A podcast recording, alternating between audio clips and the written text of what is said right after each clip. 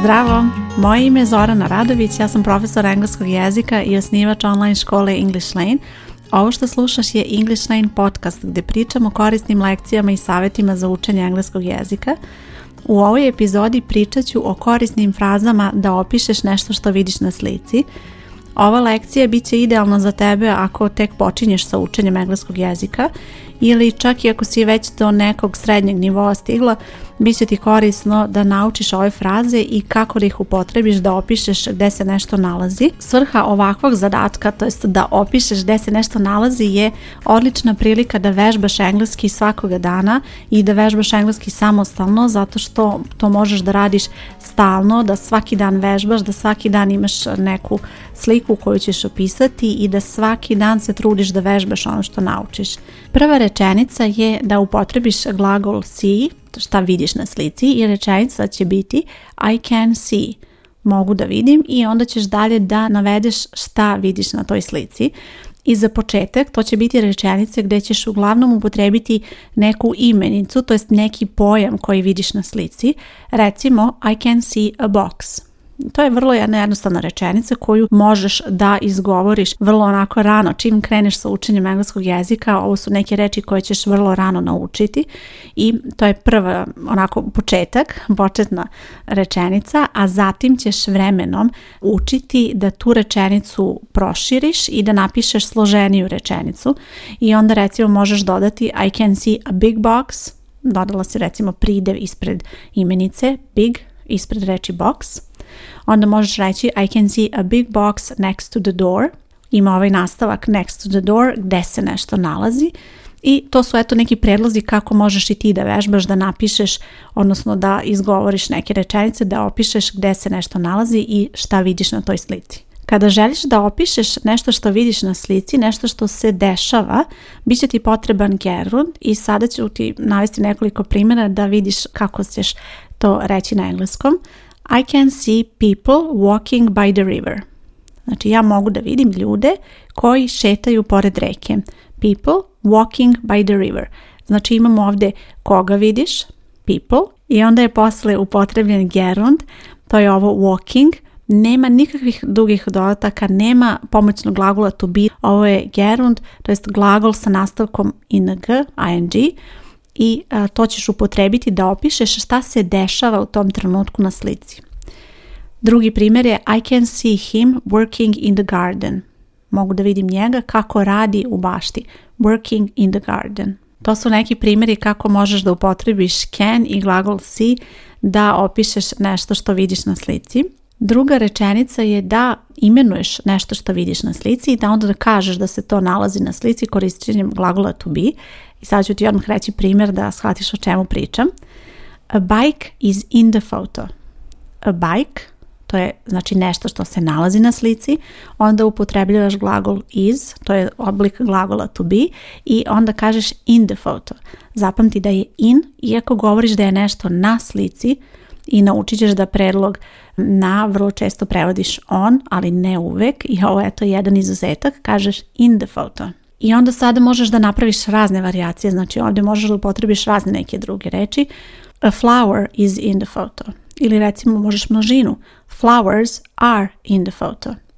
To su neki primjeri i zapamti da kada koristiš množinu moraš da upotrebiš oblik are i ne možeš da upotrebiš član a, odnosno neodređeni član ne možeš da upotrebiš ako je množina. Kada je u pitanju rečenica u jednini a bike is in the photo, možeš reći the bike, the bike is in the photo, to je isto tačna rečenica. Možeš reći my bike is in the photo, ako je to slika tvog bicikla, onda možeš reći my ili isto tako your, ako hoćeš da kažeš tvoj i tako dalje i to je bitno da zapamtiš da ta reč ispred imenice, ispred ovog bike ne mora uvijek biti neodređeni član, ne mora uvijek biti a ili an, mogu tu da budu i neke druge reči. I treća rečenica koju želim da analiziram ovdje, koja će ti pomoći da opišeš nešto što vidiš na slici, je konstrukcija gdje ćeš upotrebiti izraz there is, there are. There is koristiš za jedninu, there are za množinu. Kada kažeš there is, onda upotrebljavaš posle pojam u jednini i vrlo često će tu biti upotrebljen neodređeni član. There is a dog in the park. Pas se nalazi u parku. Obrati pažnju kako je malo drugačiji prevod. Ova konstrukcija there is, there are je nešto što baš pravi problemi prilikom prevođenja. Ne prevodi se bukvalno i onda kad e, želiš nešto da kažeš na engleskom prosto zaboraviš na tu konstrukciju, iako je to nešto što se vrlo rano nauči ali bitno je to da zapamtiš. Znači, there is a dog in the park. Nećeš reći there's dog in the park, to ne bi bilo tačno. I pošto there is podrazumeva jedninu, ova reč dog mora da ima član. There is a dog in the park. Kada koristiš množinu, onda nećeš upotrebiti neodređeni član, onda će biti there are dogs in the park. To su eto neke situacije kada ćeš upotrebiti tu rečenicu i zapamti there is za jedninu, there are za množinu. Sve ove rečenice koje sam navela možeš da upotrebiš u odričnom obliku, da kažeš da se nešto ne nalazi na slici i to je isto odlična vežba. Pogledaš sliku i prvo kažeš nešto što se nalazi na slici, a onda napišeš i nekoliko primjera za nešto što se ne nalazi i tamo provežbaš još neke dodatne reči koje možda nisu tu na slici. I samo ćemo ukratko pogledati ove odrične oblike. I can't see ili I can't see. Can je glagol gdje se not piše spojeno sa glagolom, ako pišeš puni oblik, a ako pišeš skraćeni oblik, bit će znači samo apostrof. I e, na ovoj stranici gdje slušaš podcast vidjet ćeš i napisane ove primjere pa ćeš da vidiš jasno o čemu pričam. Onda imamo drugi primjer. A bike isn't in the photo. Znači sad je samo isn't ili is not ako je pun oblik. I za množinu će biti aren't ili are not. Kada je u pitanju izraz, ovaj there is are, opet postoji odričan oblik there isn't, there aren't i posle toga ćeš koristiti vrlo često any. Ne mora, ni obavezno, ali vrlo često ćeš koristiti to. I postoji još jedna varijacija za ovaj izraz, možeš reći there is no. Znači, kada kažeš there is no, ne možeš da upotrebiš any. To je bitno da zapamtiš. There is no, znači nije not, nije odričan oblik, već there is no. Isto možeš i u množini. There are no dogs in the park. Ova aktivnost da je tvoj zadatak da opišeš nešto što se nalazi na slici je odlična vežba ako počinješ sa učenjem engleskog jezika zato što ćeš imati mnogo više sigurnosti da upotrebiš neke izraze koje već znaš. Koristit ćeš uglavnom kao što si vidjela glagol to be i to je nešto što ćeš među prvim e, stvarima naučiti ali pomoći će ti da odmah već kreneš da praviš neke rečenice i da odmah već stekneš taj osjećaj kao da koristiš engleski jezik, a to je vrlo bitno. I zato ću ti sad skrenuti pažnju još i na tri primjera koja su pogrešna i nešto što se često greši kada je u pitanju to opisivanje. Prvi primjer glasi Behind the sofa is a shelf. Ta rečenica je pogrešna jer je pogrešan red reči i vrlo je bitno da prepoznaš ovu grešku rano u startu jer je nešto što ćeš imati tendenciju da koristiš i kasnije. Šta se desilo sa ovom rečenicom? Behind the sofa is the shelf prevedena je bukvalno. Iza sofe je polica. I to je nešto što ćeš ti reći ovako na svom maternim jeziku bez problema i ta rečenica je u redu, ali na engleskom ne možeš da prevodiš reč za reč, već moraš da prilagodiš red reči u, engleskom, e, u engleskoj rečenici. Počni rečenicu tako što ćeš navesti subjekat rečenice nešto i onda ćeš reći gdje se to nešto nalazi. U ovom slučaju, a shelf is behind the sofa. Polica je iza sofe. Vrlo je bitan taj red reči. Drugi primjer, book is on table. To je rečenica u kojoj nema članova i takva rečenica ne bi bila tačna na engleskom. Moraš da upotrebiš članove. Postoji naravno jako puno pravila kada je u pitanju upotreba članova i znam da je to nešto što izaziva nesigurnost pogotovo na početnom tom nivou, ali zapamti da imenica mora imati ispred neki determinator, kad imenica u jednini može imati neodređeni član, a book is on the table, može biti the book is on the table, može biti i neodređeni član ispred a table, znači the book is on a table, a book is on a table. To su sve moguće varijante, znači sve je to tačno, ali nije tačno upotrebiti tu imenicu bez člana. Kasnije ćeš učiti zašto je neodređeni član, zašto je e, a zašto je određeni član, zašto je d, ali bitno je da shvatiš da moraš da upotrebiš član ispred tih reći. I sljedeća, treća često greška koja se javlja kada je u pitanju opisivanje nečega što vidiš na slici je on the photo is a table.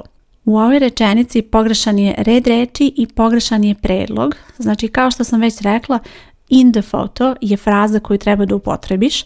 Postoji razlika, znači kada opisuješ nešto što se nalazi na slici, na fotografiji, nešto što je uslikano, onda je to in the photo. Izraz on the photo ćeš koristiti ako se nešto fizički nalazi na toj fotografiji ili na nekoj slici. Znači ako recimo staviš telefon svoj na sliku, to je onda on the photo. Znači nešto se fizički nalazi.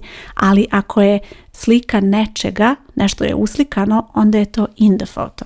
Također red reći u ove rečenici nije bio dobar. Opet uvijek kreni od subjekta rečenice, od nečeg što pominješ i onda gde je to ili kakvo je to.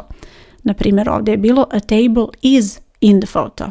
Znači ne in the photo is a table, na slici je sto, opet bukvalno prevođenje i bukvalan red reči, nego a table is in the photo. Sada imam jedan zadatak za tebe koji želim da uradiš. Probaj da upotrebiš ove izraze koje sam ja navela i u potvrnom i u odričnom obliku da opišeš jednu od slika koje ću ostaviti na ovoj stranici gdje slušaš podcast.